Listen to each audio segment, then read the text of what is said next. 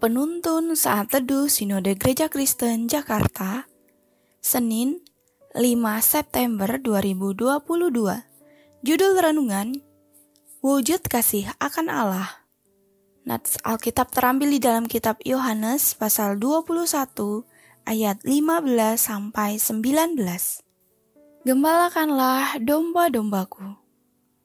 Sesudah sarapan, Yesus berkata kepada Simon Petrus, Simon, anak Yohanes, apakah engkau mengasihi aku lebih daripada mereka ini? Jawab Petrus kepadanya, Benar Tuhan, engkau tahu bahwa aku mengasihi engkau. Kata Yesus kepadanya, Gembalakanlah domba-dombaku. Kata Yesus pula kepadanya untuk kedua kalinya, Simon, anak Yohanes, apakah engkau mengasihi aku?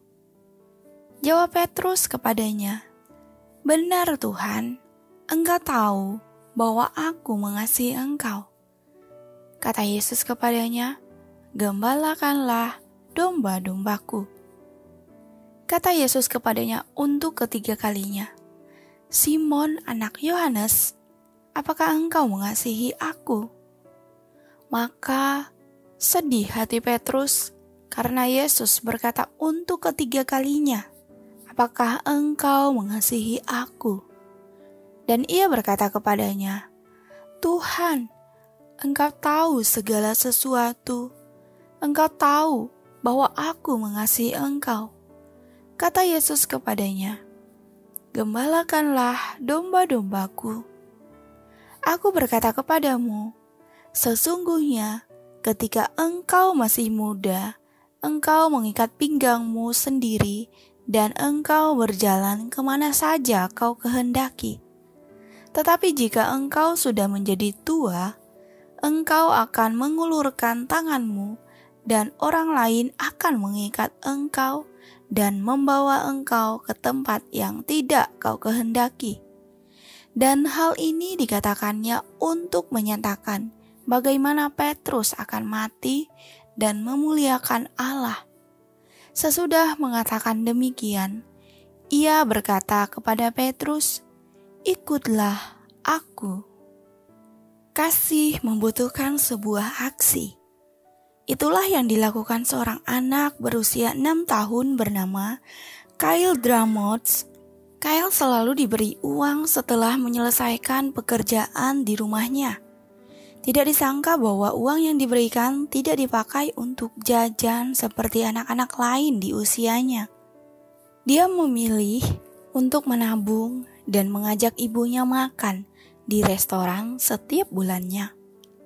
Dalam nats yang kita baca, tiga kali Yesus berkata kepada Petrus, Simon, anak Yohanes, apakah engkau mengasihi aku? Kita tahu bahwa satu hal yang ditanyakan berulang-ulang pastilah merupakan sesuatu yang penting. Yesus tahu Petrus adalah seorang yang bertindak cepat tanpa berpikir. Pertanyaan itu juga mengingatkan Petrus yang pernah menyangkali Yesus saat ditangkap dan diadili. Yesus mau Petrus mengasihinya bukan hanya sekedar ucapan, tetapi juga diwujudkan melalui tindakan. Apa yang harus Petrus lakukan untuk menunjukkan kasihnya kepada Allah melalui tindakan? Yaitu meneruskan pelayanan Yesus di dunia. Tiga kali Yesus berkata kepada Petrus, Gembalakanlah domba-dombaku. Petrus harus meneruskan pelayanan yang sudah Yesus kerjakan karena sebentar lagi Yesus akan kembali ke surga. Kasih Allah dibuktikan melalui kematian Yesus di kayu salib untuk menebus manusia berdosa. Yesus adalah Allah yang mengosongkan dirinya atas kemuliaan sorgawi dan menjadi manusia. Ia menderita karena cintanya kepada kita sebagai murid Kristus yang sudah menerima kasih Allah, kita dimampukan untuk mengasihi Allah dengan mengasihi jiwa-jiwa yang belum mengenal Yesus. Kita harus memberitakan karya keselamatan yang telah Yesus kerjakan di atas kayu salib. Kita menyatakan pada dunia bahwa Yesus satu-satunya jalan keselamatan. Kita melakukannya bukan hanya karena sebuah perintah, tetapi karena kasih kita akan Allah yang sudah menebus hidup kita.